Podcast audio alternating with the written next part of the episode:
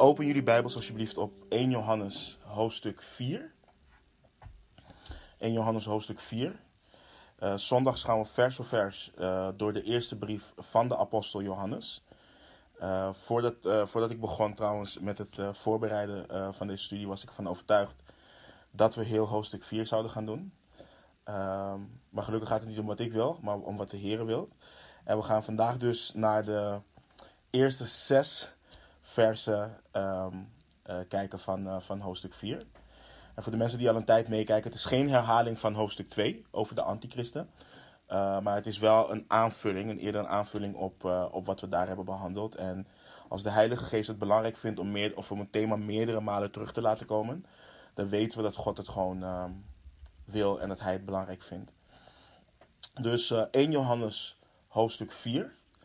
Um, laten we de versen lezen, vervolgens bidden en dan de tekst induiken en ontdekken wat onze hemelse Vader ons vanochtend wil leren. Vanaf, uh, vanaf vers 1, uh, 1 Johannes hoofdstuk 4. Waar Johannes schrijft onder leiding van de Heilige Geest. Geliefden, geloof niet elke geest, maar beproef de geesten of zij uit God zijn. Want er zijn veel valse profeten in de wereld uitgegaan. Hieraan leert u de geest van God kennen. Elke geest die beleidt dat Jezus Christus in het vlees gekomen is, is uit God. En elke geest die niet beleidt dat Jezus Christus in het vlees gekomen is, is niet uit God. Maar dat is de geest van de antichrist waarvan u gehoord hebt dat hij komt en die nu al in de wereld is. Lieve kinderen, u bent uit God en u hebt hen overwonnen, want hij die in u is, is groter dan hij die in de wereld is. Zij zijn uit de wereld Daarom spreken zij uit de wereld, en de wereld luistert naar hen. Wij zijn uit God. Wie God kent, luistert naar ons. En wie niet uit God is, luistert niet naar ons. Hieraan herkennen wij de geest van de waarheid en de geest van de dwaling. Laten we bidden. Hemelse Vader, we willen u danken, Heer, voor uw woord. Vader, we willen u danken dat uw woord goed is, dat uw woord nooit verandert, dat uw woord vandaag de dag nog steeds betekent wat het betekende toen u deze mannen hebt geïnspireerd en hebt geleid om dit woord op te schrijven, Heer. Dank u wel dat wij uw hart hierdoor leren kennen. En dank u wel dat ons hart hierdoor ook veranderd kan worden. Vader, we bidden ook dat u onze hart vanochtend week maakt. Dat u onze harten verzacht om te ontvangen wat u tot ons wilt spreken. Bekeer ons, eh, vermaan ons, bouw ons op, bemoedig ons, Heer. Doe met ons wat, uh, wat nodig is, Heer. Vader, um, ja, Heer, ik, uh, ik loof en prijs uw naam, Heer. En zie gewoon uit naar wat u vanochtend gaat doen. In de machtige naam van de Heer Jezus Christus. Amen. Vorige week hebben we hoofdstuk 3 afgerond, uh, waar we hebben gelezen hoe Johannes het liefhebben van de broeders en zusters praktisch heeft gemaakt. En hij heeft een scherp contrast geschetst tussen haat en liefde. En hij heeft ook voorbeelden laten zien wat, van haat, waarin we hebben stilgestaan bij het verhaal van de broers Kain en Abel uit Genesis 4. En we hebben gezien dat haat een probleem is van het hart en dat het niet te maken heeft met, met, met een ander, maar het feit dat de persoon die, die haat met zich meedraagt, in zijn of haar hart juist rebelleert tegen God. En Johannes heeft geschreven dat kinderen van God niet gekenmerkt kunnen en mogen worden door haat. Hij schreef dat ieder die haat een moordenaar is en dat we weten dat een moordenaar geen eeuwig leven in zich heeft. Dus we, kunnen dus niet beweren een kind van God te zijn en onze broeders en zusters niet lief hebben, onze broeders en zusters haten. En vervolgens heeft Johannes laten zien hoe de liefde tussen broeders en zusters onderling hoort te zijn. Hij richtte onze ogen op de persoon en het werk van Jezus Christus als ons ultieme voorbeeld. Hij schreef: Hieraan leerden wij de liefde kennen, dat Hij, dus de Heer Jezus, voor ons zijn leven heeft gegeven. Ook wij moeten voor de broeders het leven geven. En daarop volgend gaf hij aan hoe we in vrijmoedigheid tot God mogen naderen in gebed. Hij schreef wat wij ook maar bidden, ontvangen wij van Hem, omdat wij zijn geboden in acht nemen en doen wat Hem welgevallig is.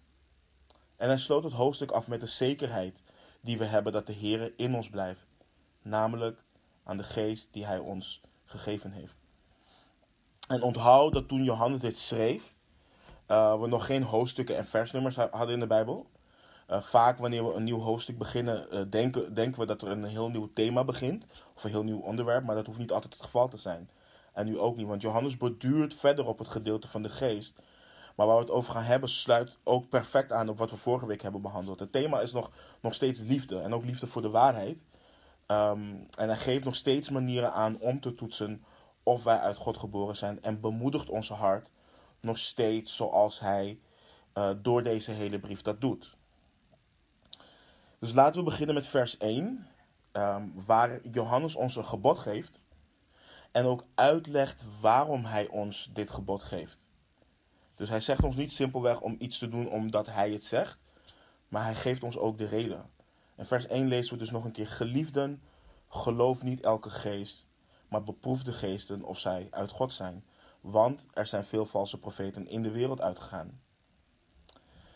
Johannes geeft het gebod aan de broeders en zusters om niet elke geest te geloven. En in de oorspronkelijke tekst schetst dit het idee dat ze moeten stoppen met het geloven van elke geest. Dus Johannes geeft aan dat ze niet zomaar moeten geloven dat iedereen, dat ze daarmee moeten ophouden, dat iedereen die komt namens God, uh, spreekt of door God gezonden is. Hij schrijft dat ze moeten beproeven of die persoon uit God is. En voor, voor, wat, wat interessant is, het woord geest in het Grieks is het woord pneuma. Wat in de basis wind of lucht betekent of adem. Maar het kan ook gebruikt worden voor een bovennatuurlijk of een goddelijk wezen. Dus, dus een geest. En in, in, in het vorige hoofdstuk sloot hij het hoofdstuk af, uh, al af door het over de Heilige Geest te hebben. De geest van de waarheid. En Johannes schrijft dat ze niet elke geest moeten geloven. Dus hij impliceert dat je de Heilige Geest hebt, dus de geest van de waarheid. Maar dat je ook de geest van de leugen hebt, de geest van misleiding. En ieder persoon wordt geleid of geïnspireerd door of de geest van de waarheid of de geest van de leugen. Dus zij, waaraan Johannes schrijft, maar ook wij vandaag de dag, als uh, kinderen van God, moeten de geesten beproeven. En Johannes gebruikt het woord beproeven zoals Paulus het ook gebruikt in, in 1 Thessalonicense 5, uh, vers 21. Waarin, waarin Paulus schrijft: Beproef alle dingen, behoud het goede. En het woord beproeven in de oorspronkelijke tekst betekent dat je iets onderzoekt, dat je het op de proef stelt, dat je het ontleedt en vervolgens beoordeelt. En Johannes roept op om te testen wat er gezegd wordt, om te zien of het goed is. En wat, wat ook belangrijk is, het, beproeven in, in de oorspronkelijke tekst, oorspronkelijke tekst heeft niet de focus om te bewijzen dat iets slecht is. Dus het gaat niet om, eh, niet om het cynisch doen, maar iets wel kritisch onderzoeken om de echtheid ervan te bepalen. En het woord werd in het Oud-Grieks ook gebruikt om het proces aan te duiden waarin de zuiverheid en waarden van metalen werden geanalyseerd.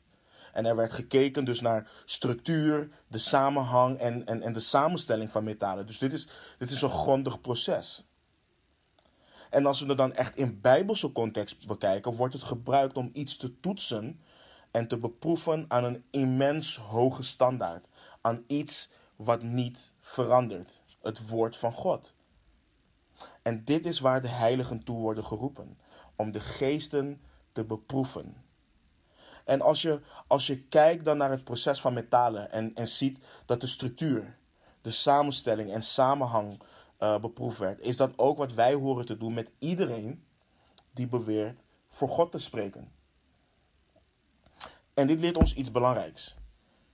Christenen horen alert te zijn en horen toegerust te zijn om de waarheid en de leugen te kunnen onderscheiden van elkaar.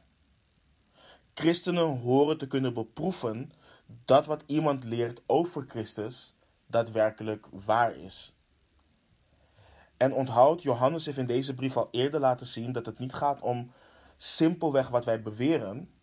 Iedereen kan, en zeker in de tijd waarin we nu leven, in de coronatijd met deze hele intelligente lockdown, waar niemand fysiek kan samenkomen. Iedereen kan in deze tijd een livestream starten zoals we dat nu doen en onderwijs geven over de goddelijkheid van Christus, over zijn menselijke natuur, over zijn dood, zijn begraving en wederopstanding. Iedereen kan dat nu doen. En, en, en, en daarom moeten we dus dit beproeven. En men hoort dus niet alleen te beproeven wat men leert, maar ook hoe die persoon zelf wandelt en de personen die naar die persoon luisteren. En eh, kijk, het is vervelend om te zeggen, maar we, we, we zijn heel goed gelovig in deze, in deze tijd. We leven in een periode waarin men meteen amen en halleluja schreeuwt op iedere zelfbenoemde leraar die verklaart dat God liefde is. Maar wat betekent het dat God liefde is? Waartoe hoort de liefde van God mij te drijven? Wat hoort mijn reactie te zijn op Gods liefde? Dit is het analyseren van de structuur, de samenstelling en de, en de samenhang van iemands boodschap. Echt geloof is geen blind vertrouwen. Echt geloof onderzoekt zorgvuldig voordat we ons vertrouwen ergens in plaatsen. We moeten de geesten beproeven of zij uit God zijn. En men heeft hier moeite mee. We vinden, het we vinden het oordelend wanneer we anderen beproeven. We vinden het bekrompen, we vinden het niet liefdevol, we vinden het. Weet je, maar we moeten het zo zien. Hè? Als, wij naar, als wij naar een winkel gaan, of als we naar de bank gaan, niemand vindt het erg wanneer we ergens betalen met een briefje van 50 euro of hoger. En de cashier of medewerker van de bank controleert of dat briefje geen namaak is. Hetzelfde ook met ons identiteitsbewijs of wat van materiële waarde dan ook is. En ze doen dit omdat dit hen wordt opgedragen. Het wordt hen opgedragen omdat ze weten dat er nepgeld is in omloop en dat er valse identiteiten, uh, identiteitsbewijzen worden uitgegeven. Ze doen wat hen wordt opgedragen. En broeders en zusters, wij krijgen deze opdracht ook. En is ons geloof, is het evangelie van Christus, is dat niet waardevoller dan 50 euro? Is dat niet waardevoller dan goud? Zouden wij dan niet, wanneer iemand beleidt een leraar namens God te zijn, of dat wanneer iemand beweert een, een, een, een christen te zijn, zouden we niet moeten beproeven of die persoon daadwerkelijk uit God is? Het zou niet erg moeten zijn wanneer iemand beleidt Jezus Christus te verkondigen, dat wij beproeven of die persoon daadwerkelijk uit Christus is, of, of, of niet, en wat die persoon verkondigt over Christus. En dit, dit, dit gebeurde zelfs ook met de apostel Paulus. Als we gaan naar Galaten 2. Het is, een, het is een, een lang stuk, maar ik wil het wel even lezen. Vanaf, uh, vanaf vers 1. Galaten 2 vanaf vers 1 tot en met 9, waarin we lezen. Waar Paulus um, schrijft. Daarna ging ik, na verloop van 14 jaar, weer naar Jeruzalem, samen met Barnabas. En ik nam ook Titus mee. En ik ging op de grond van een openbaring. En ik legde hun het evangelie voor dat ik verkondig onder de heidenen en afzonderlijk aan hen die in aanzien waren, opdat ik niet misschien te vergeef zou lopen of gelopen hebben. Maar zelfs Titus, die bij mij was, werd niet gedwongen zich te laten besnijden, hoewel hij een Griek was. En dat ter wille van de binnengedrongen valse broeders, die waren binnengeslopen om onze vrijheid, die wij in Christus Jezus hebben, te bespioneren om ons tot slaven te maken. Voor hen zijn wij ook geen moment in onderdanigheid opzij gegaan, opdat de waarheid van het evangelie bij u zou blijven. Maar wat betreft hen die geacht werden iets te zijn, wat zij voorheen waren, maakt voor mij geen verschil. God ziet de persoon van de mens niet aan. Zij dus, die in aanzien waren, hebben mij verder niets opgelegd. Maar integendeel, zij zagen dat aan mij het evangelie onder de besnedenen toevertrouwd was, onder de onbesnedenen toevertrouwd was, zoals aan Petrus dat onder de besnedenen. Want hij die door Petrus werkte met het oog op het apostelschap onder de besnedenen, werkte ook door mij met het oog op de heidenen. En toen Jacobus, Kefas en Johannes, die geacht werden steunpilaren te zijn, die mij gegeven, uh, de, de, de mij gegeven genade erkenden, gaven ze mij en Barnabas de rechterhand van gemeenschap, opdat wij naar de heidenen en zij naar de besnedenen zouden gaan. Dit is de apostel Paulus. We zien hier dat zelfs Paulus beproefd werd. Door veel mensen bestempeld als een van de grootste theologen die ooit heeft geleefd. We zien hem niet klagen over het feit dat hij beproefd werd. Sterker nog, hij wilde zelf zeker weten en toetsen of hetgeen wat hij verkondigde overeenkwam met wat zij die met de Here hebben gewandeld verkondigden. En wat zie je hier niet? Je ziet hier niet, wij hebben onze interpretatie en jij kan het jouwe hebben. Jij hebt jouw visie op iets en ik het mijne. Nee, het is één boodschap. Zoals door de Heere Jezus aan de apostelen is overgeleverd en vervolgens weer door de eeuwen heen. Het is één geest die de auteur is. Dan mensen moeten we hier moeten we niet met z'n allen wakker worden. En ons bekeren van de tolerantie die de kerk is binnengeslopen. Horen we ons niet te bekeren van het feit dat we het gebod negeren om de geesten te beproeven en dat doen in de naam van liefde en tolerantie? Net zoals mensen nep geld produceren, produceren mensen ook een neppe Jezus die niet kan redden. Zo brengen mensen een evangelie, wat geen evangelie is en wat men niet opnieuw geboren doet worden. Men brengt niet wat mensen volledig transformeert door het werk en de persoon van de Heilige Geest. Omdat men opereert onder de geest van leugen, een geest van bedrog en misleiding. Met namaakgeld kun je niet betalen. En door een namaak-evangelie kun je niet gered worden. En daarom schrijft Johannes waarom we de geesten moeten beproeven. En hij schrijft, want er zijn veel valse profeten in de wereld uitgegaan. In het Grieks betekent het woord veel, veel. Niet een beetje, niet één, niet twee, veel zijn er in de wereld uitgegaan. En dat was in die tijd al. Zonder YouTube, zonder Facebook, zonder het internet. En deze oproep tot waakzaamheid en het beproeven van valse profeten is, is geen nieuwtestamentisch idee. Het is niet iets wat zij hebben verzonnen. Het is ook, het is, let, let op bijvoorbeeld wat we in, in, in Deuteronomium 13 lezen. In Deuteronomium 13 vanaf vers 1. Waar we lezen, als in uw midden een profeet opstaat, of iemand die dromen heeft, en u een teken of wonder geeft. En dat teken of dat wonder waarvan hij tot u gesproken had, komt en hij zegt: Laten we achter andere goden aangaan, die u niet kent, en laten we die dienen. Luister dan niet naar de woorden van die profeet of naar hem die die dromen heeft. Want de Heere, uw God, stelt u dan op de proef om te weten of u de Heere, uw God, lief hebt met heel uw hart en met heel uw ziel. Het is niet iets nieuws. God heeft altijd gewaarschuwd tegen valse profeten. En zijn kinderen horen waakzaam te zijn, want als we de geesten niet beproeven en de leugen niet kunnen onderscheiden van de waarheid, dan zullen we zijn als kinderen die heen en weer geslingerd worden door de golven en meegesleurd worden door elke wind van leer, door het bedrog van de mensen die op listige wijze tot dwaling uh, verleiden. Ik zei net al dat Paulus schreef in 1 Thessalonicense 5:21, maar let ook wat hij in het vers daarna schrijft in relatie tot dit. Beproef alle dingen, behoud het goede. En vers 22. Onthoud u van elke vorm van kwaad. Het negeren van dit gebod brengt veel consequenties met zich mee. 2 Petrus 2, vers 2 leert ons dat, we, dat als we valse leraren achteraan gaan, we door hun hebzucht uitgebuit zullen worden met verzonnen woorden. 2 Timotheus 2,14 leert ons dat het luisteren naar valse leraren ons tot onze ondergang kan leiden. En in vers 16 van 2 Timotheus 2 leren we dat dit soort onheilige, inhoudloze praat leidt tot goddeloosheid. Dit is dus niet zomaar een waarschuwing. Dit heeft te maken met onze relatie met God. En ook zo in de studie van hoofdstuk 2, waarin we het over antichristen hebben uh, gehad. En ik enkele dwaalleraren heb genoemd. Kijk, het is, niet, het is niet dat ik geniet of dat ik erop zit te wachten om deze mensen te ontmaskeren.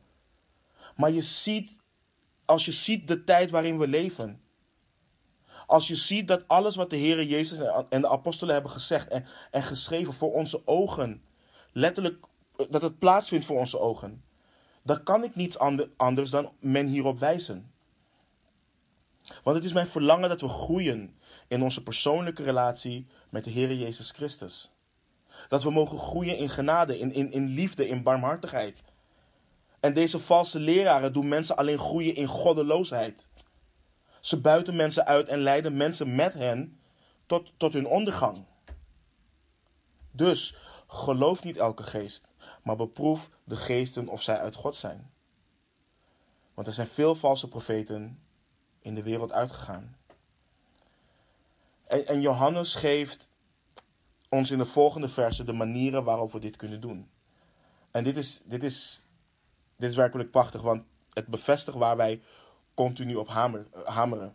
Het lezen van je Bijbel, het bestuderen van je Bijbel. We kregen laatst een, een mail uh, uh, van, van een dame die, die, die mailde en die vroeg: Hoe kan ik de Bijbel eigen maken? Hoe kan ik het bestuderen? Hoe kan ik het begrijpen? Dat, dat verwarmt mijn hart. Omdat er mensen zijn die honger hebben naar Gods woord. En die de waarheid willen leren kennen. En dat is, dat is het hart wat we horen te hebben. En vanaf vers 2 le lezen we dan hieraan leert u de geest van God kennen. Elke geest die beleidt dat Jezus Christus in het vlees gekomen is, is uit God. En elke geest die niet beleidt dat Jezus Christus in het vlees gekomen is, is niet uit God, maar dat is de geest van de antichrist, waarvan u gehoord hebt dat hij komt en die nu al in de wereld is. Dus waaraan toetsen we of iemand geleid wordt door, door de Heilige Geest? Aan hun opleiding? Of het feit dat ze misschien een pak dragen? Of dat ze wel bespraakt zijn? Of dat er meer, of er meer dan x aantal mensen de eredienst bezoeken of niet? Um, toetsen we dat op basis van ons onderbuikgevoel? Nee, Johannes leert ons dat we toetsen of iemand uit de waarheid is op basis wat zij onderwijzen, wat zij geloven over Jezus Christus. Op basis van doctrine. Op basis van theologie. En laten die woorden nou net vieze woorden zijn in de oren van de moderne beleidende christen. Doctrine, theologie, nee, nee, nee, nee. Het draait om een relatie met Christus. Maar iedere christen hoort een theoloog te zijn. Iedere christen is een theoloog. Want theo, theoloog, het, het, bestaat uit twee woorden, theos en logos. En dat is gewoon de studie van God. Dat is wat het betekent. Het zijn geen vieze woorden. En let op wat Johannes doet. Hij schrijft dus: elke geest die beleidt dat Jezus Christus in het vlees is gekomen. En ik heb in een, in, in een vorige studie al gezegd dat alles wat vandaag de dag als nieuw wordt bestempeld, wat betreft doctrine, vals is. En waarom zeg ik dit? Judas schrijft in zijn brief, in vers 3 van het enige hoofdstuk wat, wat de brief heeft. Geliefden, toen ik mij er met alle inzet toe zette u te schrijven over de gemeenschappelijke zaligheid, werd ik genoodzaakt u te schrijven met de aansporing om te strijden, en nu komt het, voor het geloof dat eenmaal aan de heiligen overgeleverd is. Alles wat er over Christus geopenbaard is in de Bijbel, is volledig. Het is compleet. Elke openbaring, elk woord wat iemand krijgt van God, moet getoetst kunnen worden aan het woord van God. Elke interpretatie moet overeenkomen met wat de apostelen onderwezen over God, over Christus, over de kerk en ga zo maar door. Dat is wat de kerkvaders naar de apostelen, um, waar de kerkvaders naar de apostelen op hebben verder gebouwd. Dat is waar Martin Luther, die de grote reformatie heeft gebracht, ter, naar terug is gegaan. En dat is waar wij op horen te staan. Op de leer van de apostelen, overgegeven door Christus en Gods geest zelf. Dus, iemand die moet geloven bijvoorbeeld dat Christus in het vlees is gekomen. En niet zoals de gnostici onderwezen dat hij een gedaante van een mens had, maar een geest was. Nee, hij was God in het vlees. Men moet geloven en beleiden dat hij gezonden is door de Vader en voort is gegaan in de kracht van de Heilige Geest. Men beleidt dat hij uit de maagd is geboren, dat hij gestorven is aan het kruis. Niet zoals de islam beleidt dat het leek alsof Christus aan het kruis is gestorven, maar dat, um, maar dat, dat, dat hij daadwerkelijk aan het kruis is gestorven. Dat hij zonder zonde was. Dat hij de verzoening is voor onze zonde. Dat hij opgewekt is uit de dood. Dat hij terug is gegaan naar de Vader en aan de rechterhand van de Vader zit. Wat men gelooft en wat men onderwijst over Christus is hoe je iemand beproeft. We zagen het net ook bij Paulus. Komen ze bijvoorbeeld met het onderwijs dat het woord een God was. En dat de Heere Jezus de, de, de, de engel Michael is. Dan moet het verworpen worden als lering van demonen. Dus de vraag is, wat staat er centraal in het onderwijs van iemand die beleidt namens God te spreken? Staan wij als mensen centraal? Of staat de Heere Jezus Christus centraal? Staat de waarheid centraal? Johannes schrijft: elke geest die beleidt dat Jezus Christus in het vlees gekomen is, is uit God. En het woord beleid is een belangrijk woord om te omcirkelen in je Bijbel. Het woord beleid impliceert, het gaat niet om simpelweg zeggen. Je hebt vaak mensen bijvoorbeeld die, die, die, die, die kinderen hebben die de hele, hun hele leven naar de kerk is gegaan. En, um, of zijn gegaan. En op, vervolgens uh, leven ze hun beste leven nu in de wereld en al dat soort dingen.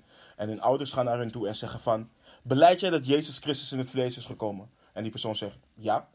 Oh, die persoon is gered. Nee, dat is niet wat dit leert. Dat is niet wat dit vers leert. Het woord impliceert beleid. Een, uh, het woord beleid impliceert een oprechte beleidenis van persoonlijk geloof in Jezus Christus. Dit gaat niet om iemand die erkent dat Jezus Christus op aarde heeft geleefd. Want er zijn filosofen die dat doen. Er zijn atheïsten die dat doen. En er zijn religies die dat doen. Het betekent ook niet simpelweg toegeven dat iets feitelijk waar is.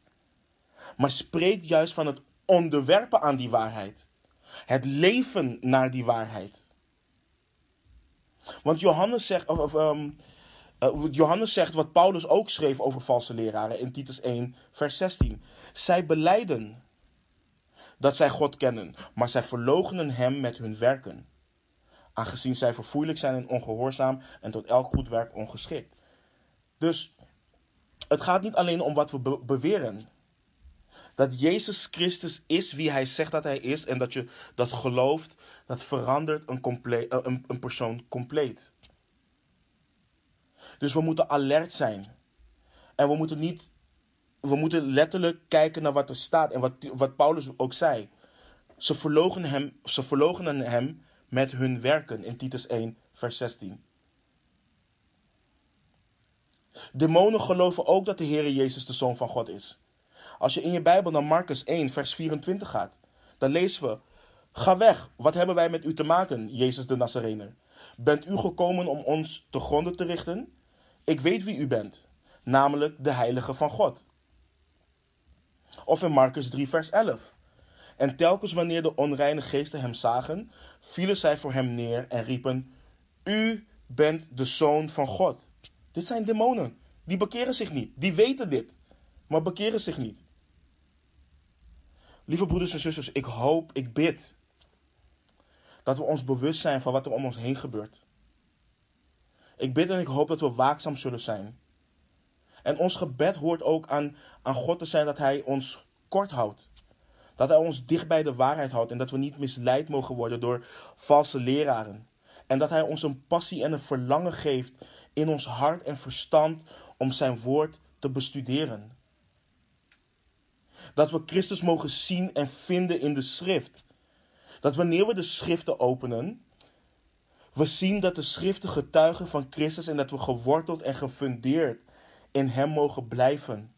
En dwaalleraren geen vat op ons zullen hebben. Draait het om onze relatie met Christus? Ja, dat is waar het om draait. Maar onze relatie met Christus is gebaseerd op wat wij geloven over Hem.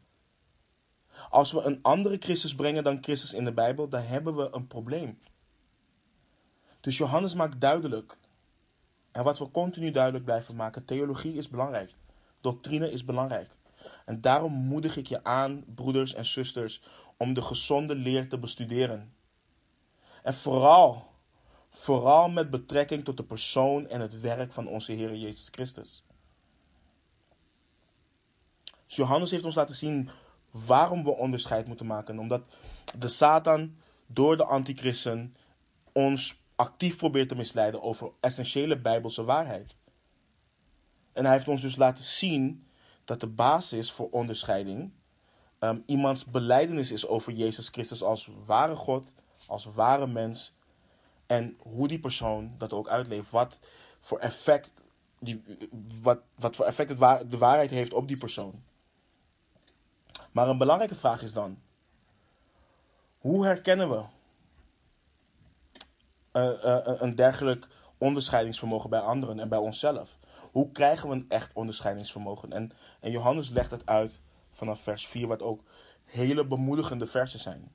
Hij schrijft: Lieve kinderen, u bent uit God en u hebt hen overwonnen. Want hij die in u is, is groter dan hij die in de wereld is. Zij zijn uit de wereld en daarom spreken zij uit de wereld. En de wereld luistert naar hen. Wij zijn uit God. Wie God kent, luistert naar ons. Wie niet uit God is, luistert niet naar ons. En hieraan herkennen wij de geest van de waarheid en de geest van de dwaling. Johannes laat zien dat wanneer wij wedergeboren zijn, dat het bevestigt dat we beschermd zijn tegen valse profeten. Wanneer we opnieuw geboren worden uit God, dan geeft God ons een bovennatuurlijk inzicht wat betreft de waarheid. De Vader openbaart de waarheid aan zijn kinderen en hij geeft zijn kinderen een immense liefde voor de waarheid. Dus ik ben, ik ben, God, ik ben God enorm dankbaar, want na mijn bekering ging ik naar kijken en ik wist op een gegeven moment, dit, dit, dit klopt niet. Ze hebben het over Jezus en ze hebben het over liefde. Maar uiteindelijk bleek het geen zuivere evangelie te zijn.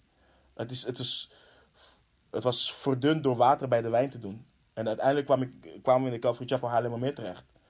Waar ik als baby toen in Christus gevoed werd met het, met, het, met het woord van God. En ik wist, ja, de Bijbel wordt hier geopend. Er wordt gepredikt vanuit de Bijbel. En men wordt ook aangespoord om zelf te groeien in kennis van Gods woord. God geeft zijn kinderen de gave van onderscheiding. En Paulus schrijft hier ook over in 1 Korinthe uh, 2 vanaf vers 12. 1 Korinthe 2 versen 12 tot en met 16. Waarin we lezen. En wij hebben niet ontvangen de geest van de wereld, maar de geest die uit God is. Opdat wij zouden weten de dingen die ons door God genadig geschonken zijn. Van die dingen spreken wij ook.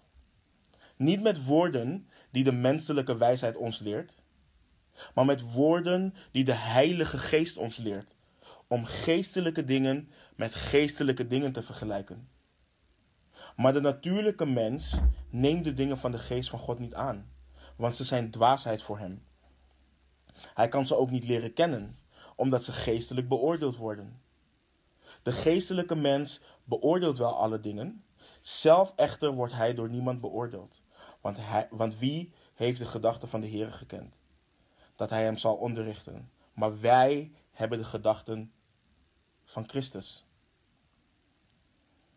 Het navolgen van Christus is dus niet simpelweg instemmen met bepaalde geloofsbelijdenissen of goede doctrinen, goede doctrinen, hoewel dat essentieel is. Maar het gaat erom dat iemand uit God geboren is, zodat je nieuw leven van Hem ontvangt en zijn kind wordt.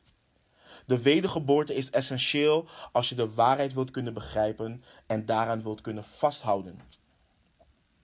Zonder de wedergeboorte is dit onmogelijk. De Heere Jezus zei zelf tegen de Fariseeën in Johannes 8, vers 43. Hij zegt: Waarom begrijpt u niet wat ik zeg? Omdat u mijn woord niet kunt horen. Dat is wat hij zegt in Johannes 8, 43. En in hetzelfde hoofdstuk, in Johannes 8, 47, zegt hij: Wie uit God is, hoort de woorden van God. Daarom hoort u niet, omdat u niet uit God bent. En dit gaat niet simpelweg over ik hoor iemand praten over het evangelie, maar het spreekt van begrijpen en gehoorzamen, je onderwerpen aan wat je, aan wat je hoort.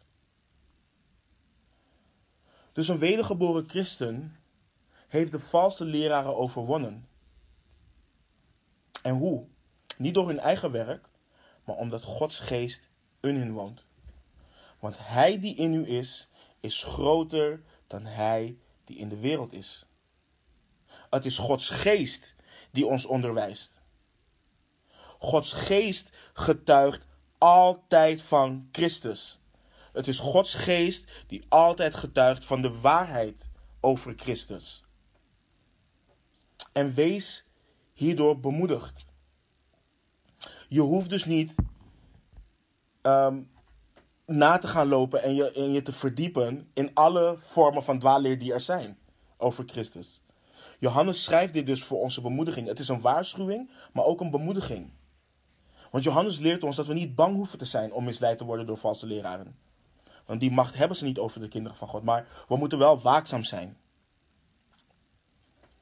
Want de kinderen van God bevinden zich in Gods woord. Daarom hoeven we niet bang te zijn. En zoals ik al zei, leidt Gods geest ons door zijn woord in de waarheid. Dus wees hierdoor bemoedigd.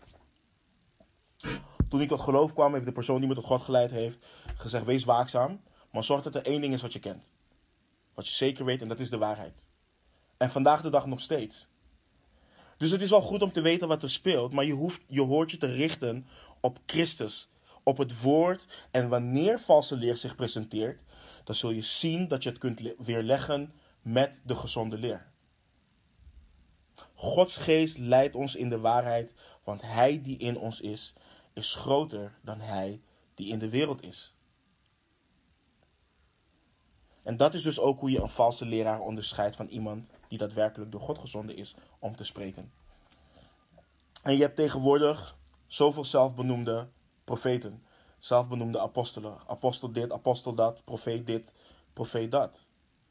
Maar de vraag is, waar leiden ze, deze, waar leiden ze de mensen naartoe? Waar leiden ze de schapen van God naartoe? Leiden ze de mensen naar God? Of leiden ze de mensen verder de wereld in? Want Johannes schrijft dat zij uit de wereld zijn en, ze da en dat ze daarom uit de wereld spreken. Of als de wereld spreken ook. En dit is belangrijk, want ik heb, het, ik heb het vorige week al gezegd. De wereld kan christenen tolereren. De wereld kan christenen verdragen. Maar de wereld houdt niet van christenen. Ze houden niet van de boodschap die christenen verkondigen. En de wereld luistert dus inhoudelijk ook niet naar die boodschap. Dus wanneer de wereld, en dit is heel goed om te onthouden, wanneer de wereld de boodschap van een kerk of een zelfbenoemde kerk omarmt en die boodschap leidt niet tot bekering van zonde. Het leidt niet tot geloof in Jezus Christus. Wanneer die boodschap niet aanspoort tot een heilig leven, dan is dat geen kerk van Christus. Die kerk bevestigt de wereld namelijk alleen maar in hetgeen waarin ze al leven. We weten dat de wereld onder de heerschappij van Satan leeft. En dat het systeem van Satan tegen God en zijn koninkrijk is. En het systeem van de wereld is er niet op gericht om ons te helpen leven in en voor hetgeen waarvoor we, waarvoor we gemaakt zijn. De heerlijkheid en glorie van de Allerhoogste God. Het wereldsysteem is gebouwd om het principe om ons te helpen groeien in hoogmoed en zelfverheerlijking. En elke leer die afbreuk doet aan Gods heerlijkheid, aan Gods liefde, aan Gods heiligheid, soevereiniteit en de mens verheft door zijn trots te voeden, is demonisch in zijn kern.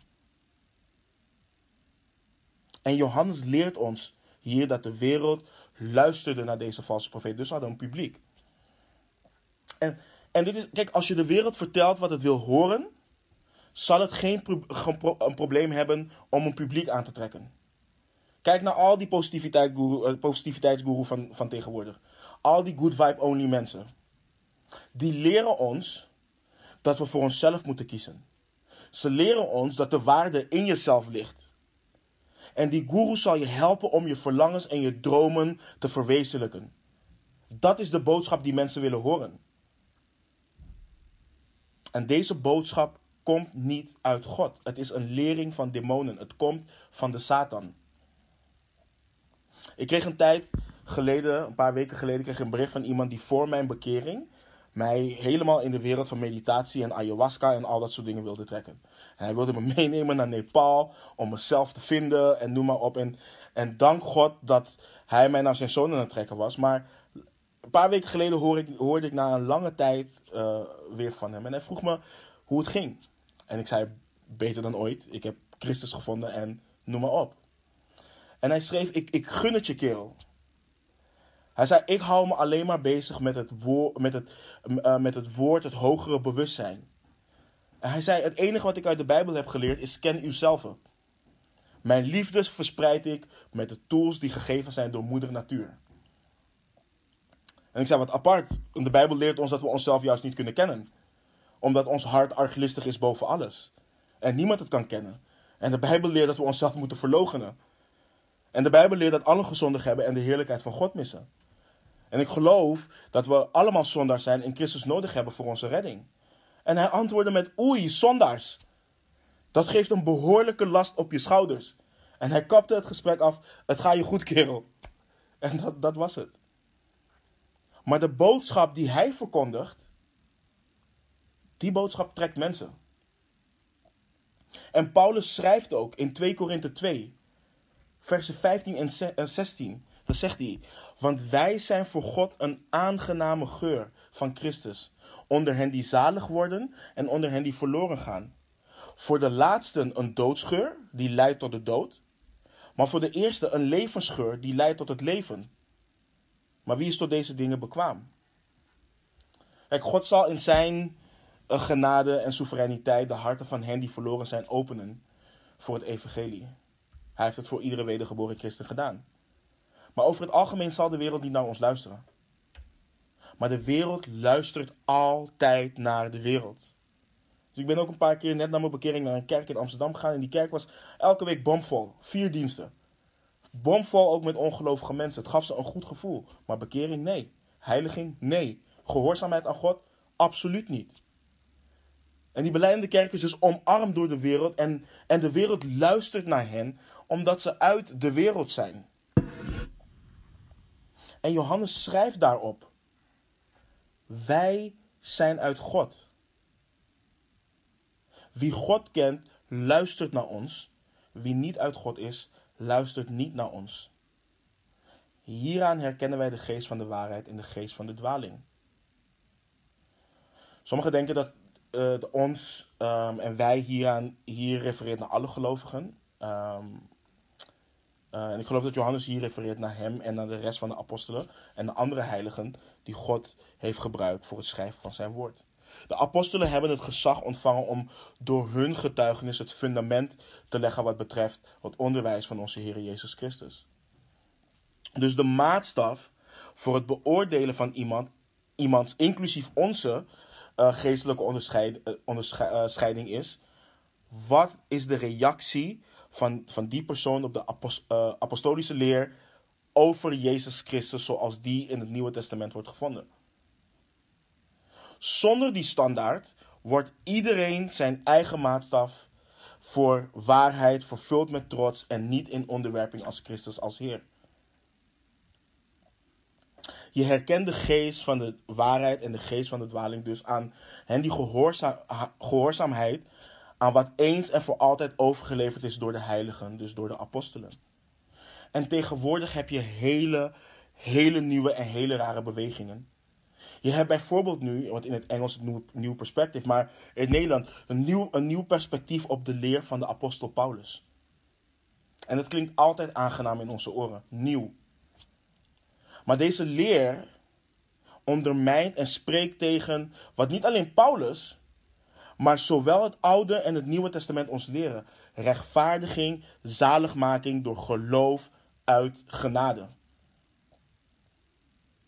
En het is juist vaak dat mensen moeite hebben met de leer van Paulus. Want Paulus schrijft over hele controversiële dingen, althans dingen die voor de wereld controversieel zijn. Maar Paulus zijn leer komt gewoon overeen met de leer van de apostelen en met de leer van Jezus Christus. Sterker nog, als we kijken naar wat Petrus schrijft over Paulus. In 2 Petrus 3, vanaf vers 14 tot en met 16, dan schrijft Petrus: Daarom, daarom, geliefden, terwijl u deze dingen verwacht, beijver u om onbevlekt en smetteloos door hem bevonden te worden in vrede. En beschouw het geduld van onze Heeren als zaligheid, zoals ook onze geliefde broeder Paulus, naar de wijsheid die hem gegeven is, u geschreven heeft zoals ook in alle brieven wanneer hij deze dingen ter sprake brengt. En let op wat er staat. Daaronder zijn sommige zaken die moeilijk te begrijpen zijn. die de onkundige en onstandvastige mensen verdraaien tot hun eigen verderf, net als de andere schriften. 2 Petrus 3, vers 14 tot met 16. Het is dat men zich niet wil onderwerpen aan de leer van de apostelen. Ze verdraaien het. Je hebt nu ook de hele um, emerging church movement. Zij die leren dat er geen absolute waarheid is. We moeten leren van elkaar en van andere religies en noem maar op. We moeten elkaar scherp houden met elkaars interpretaties. Ja, ik snap dat dit altijd zo is onderwezen. Maar heb je het ook vanuit deze invalhoek bekeken? Nee, want Gods woord betekent wat het betekent. En het betekent niet wat het betekent omdat ik het wil, maar omdat het zijn woord is en hij het gegeven heeft. En het boeit mij in die zin niet wat ik vind of wat ik voel bij de tekst.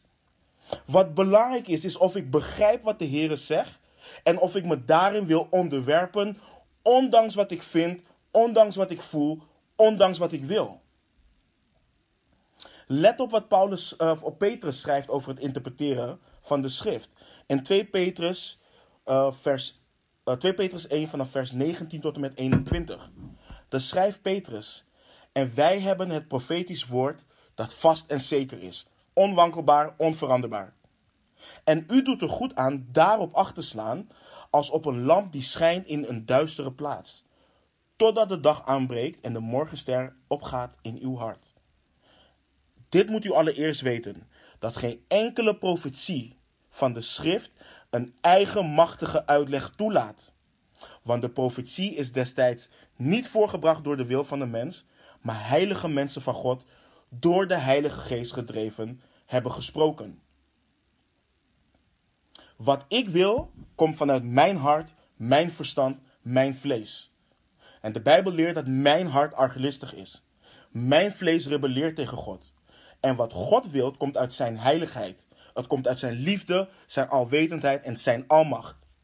Zijn vermogen en het feit dat hij weet wat goed is. Het feit dat er in hem in het geheel geen duisternis is. Het feit dat zijn liefde het hoogste goed zoekt van de ander. En het is schrijnend. Het is echt schrijnend. En dit gebeurt omdat men niet luistert en gehoorzaam is aan Gods woord, maar eerder aan hun vlees. Dat is de reden dat het gebeurt. Ik vond een advertentie in de krant. Ik zal het even citeren. Heb je ooit meer uit het leven willen halen? Wij kunnen helpen. Ontdek, ontdek krachtige en gemakkelijke geheimen die zijn bewezen en die u gegarandeerd de gewenste resultaten opleveren. opleveren. Of u nu liefde, gezondheid, geld of gewoon meer voldoening in uw leven wenst, dit is het moment om te profiteren van deze nieuwe en exclusieve serie die voor het eerst wordt geïntroduceerd. Helemaal gratis. Ontdek, ontdek hoe, hoe u ook meteen een verschil kunt zien. Het maakt niet uit wie u bent. Ook u kunt profiteren van het kennen van deze veilige, vertrouwde en gemakkelijk te begrijpen principes voor persoonlijke groei en prestaties. Stop met het missen van het leven dat je zou kunnen leiden. Je hebt niets te verliezen, alles te winnen. Dit is een advertentie van een kerk in de krant. Een advertentie van een kerk die beleidt Jezus Christus te geloven en Jezus Christus kenbaar te maken. Mensen, ik, ik, ik doe dit niet om anderen de grond in te boren. Ik zeg dit niet om kritisch, uh, om kritisch te zijn, om het maar kritisch zijn. Ik zeg dit zodat we ons bewapenen tegen de dwaalleer van de Satan. Als jij wedergeboren bent, dan heb je eeuwig leven. Je bent vergeven van zonde. Je bent verzoend met de Vader. Verzegeld met de Heilige Geest. Alle zegeningen in de hemelse gewesten. De geest van de waarheid.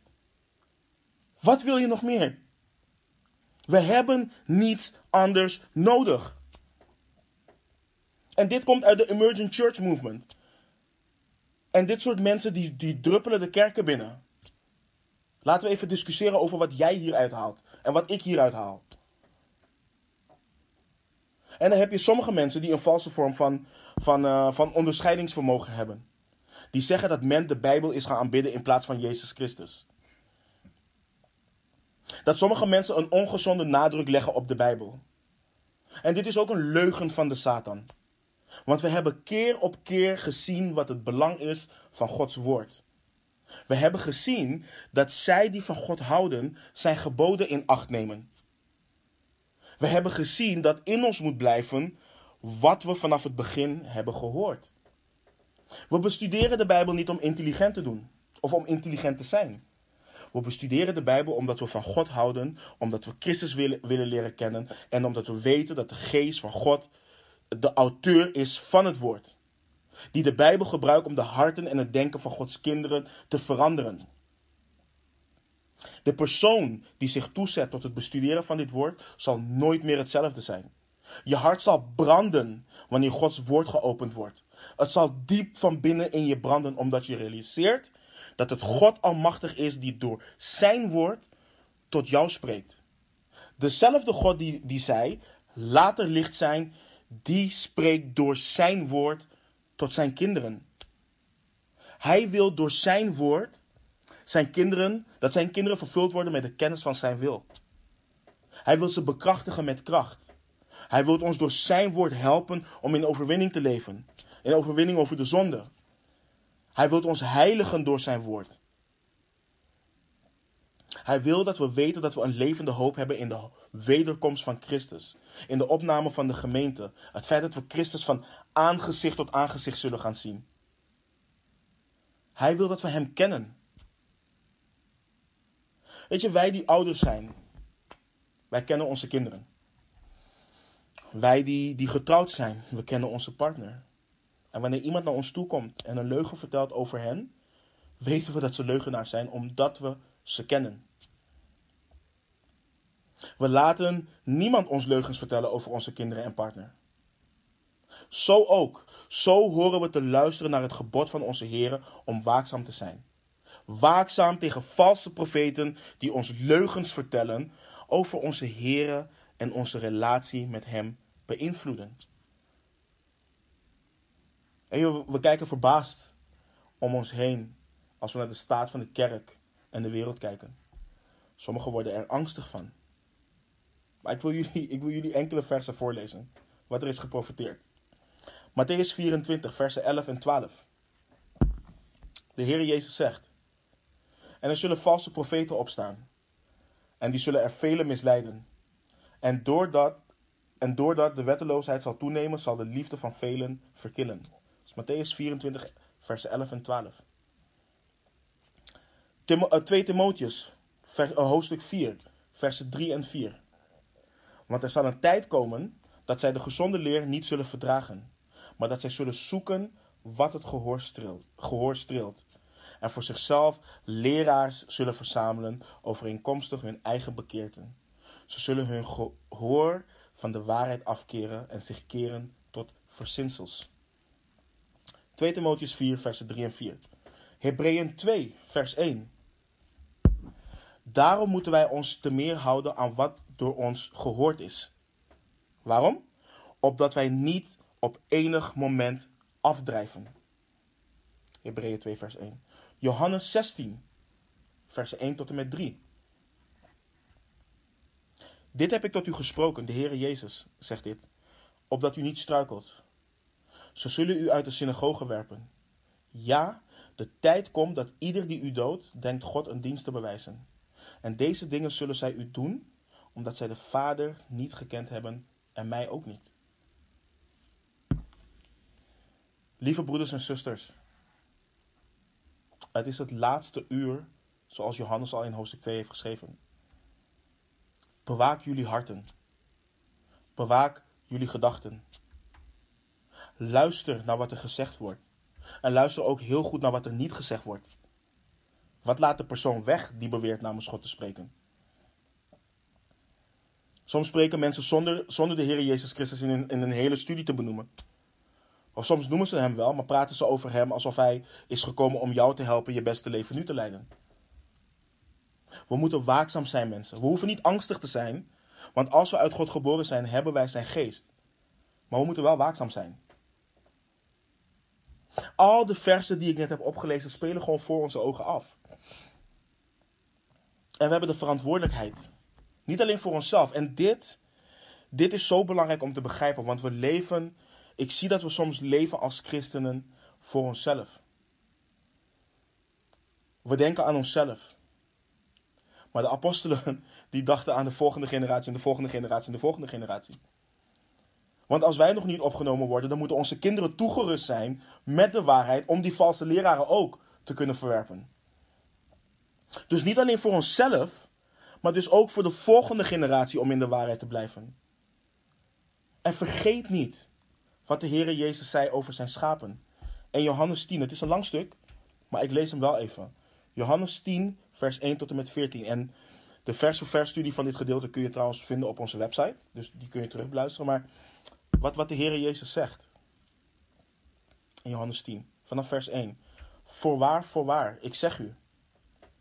Wie de schaapskooi niet door de deur binnengaat, maar van elders naar binnen klimt, die is een dief en een rover. Maar wie door de deur naar binnen gaat, die is herder van de schapen. Voor hem doet de deurwachter open, en de schapen horen zijn stem. En hij roept zijn eigen schapen bij hun naam en leidt ze naar buiten.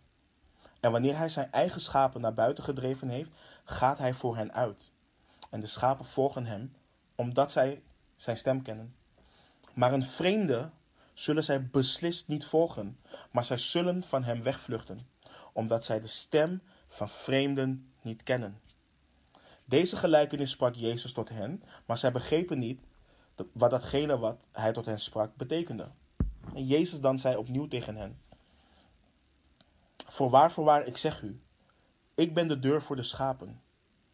Allen die voor mij gekomen zijn, zijn dieven en rovers. Maar de schapen hebben niet naar hen geluisterd. Ik ben de deur. Als iemand door mij naar binnen gaat, zal hij behouden worden. En hij zal ingaan en uitgaan en weide vinden. De dief komt alleen maar om te stelen, te slachten en verloren te laten gaan. Ik ben gekomen opdat zij leven hebben en overvloed hebben. Ik ben de goede herder. De goede herder geeft zijn leven voor de schapen. Maar de huurling, en wie geen herder is, die de schapen niet tot eigendom heeft, ziet de wolf komen en laat de schapen in de steek en vlucht. En de wolf grijpt ze en drijft de schapen uiteen. En de huurling vlucht omdat hij een huurling is en zich niet om de schapen bekommert. Ik ben de goede herder en ik ken de mijnen en word door de mijnen gekend. Lieve broeders en zusters, we moeten luisteren naar onze herder. Laten we luisteren naar zijn stem en niet misleid en weggevoerd worden door dieven en rovers. We mogen de vreemden niet volgen. Ze komen om te stelen, slachten en verloren te laten gaan. Onze goede herder geeft ons leven in, eh, in overvloed. Laten we hem achterna gaan. Laten we ons beijveren in het kennen, in het liefhebben, in het gehoorzamen van onze goede herder. Laten we gevoelig zijn voor Hem die in ons is en onze oren neigen naar de gezonde leer van Gods geest en ons laten leiden in Gods waarheid. Standvastig in het geloof, gevuld met liefde voor onze Heer Jezus Christus. Laten we ons beijveren tot dat doen. Laten we bidden. Heere God, u bent zo goed, Heer. U bent zo goed, Heer, dat u ons uw geest gegeven hebt, Heer. Heer, dat u ons wilt beschermen. Dat u onze herder bent. En Heer, ik bid in mijn, ik bid voor mijzelf. Ik bid voor uw kinderen die meekijken en meeluisteren. Ik bid ook voor de mensen die u nog niet kennen. Heer, dat we gehoorzaam zullen zijn aan u, Heer. Heer, dat we uw geboden in acht nemen. Dat we de geesten beproeven. Dat we onszelf verloochenen, Heer. En dat we uw woord zullen laten spreken.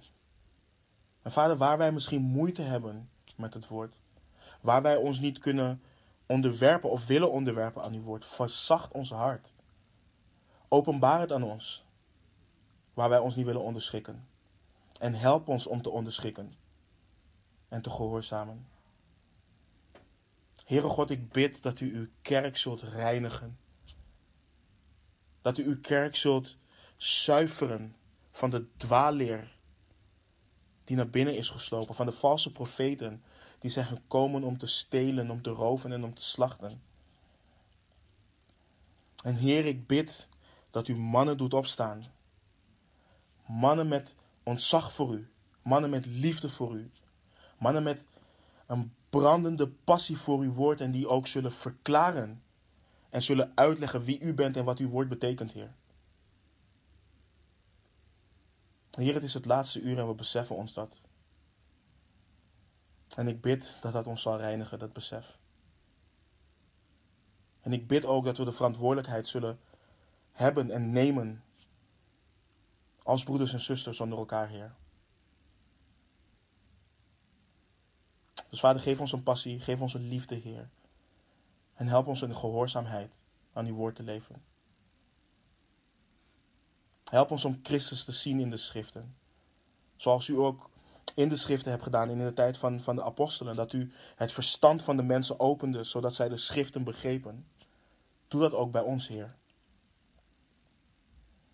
We loven en prijzen uw naam en houden van u. En bidden al deze dingen in de machtige naam van onze Heer Jezus Christus. Amen.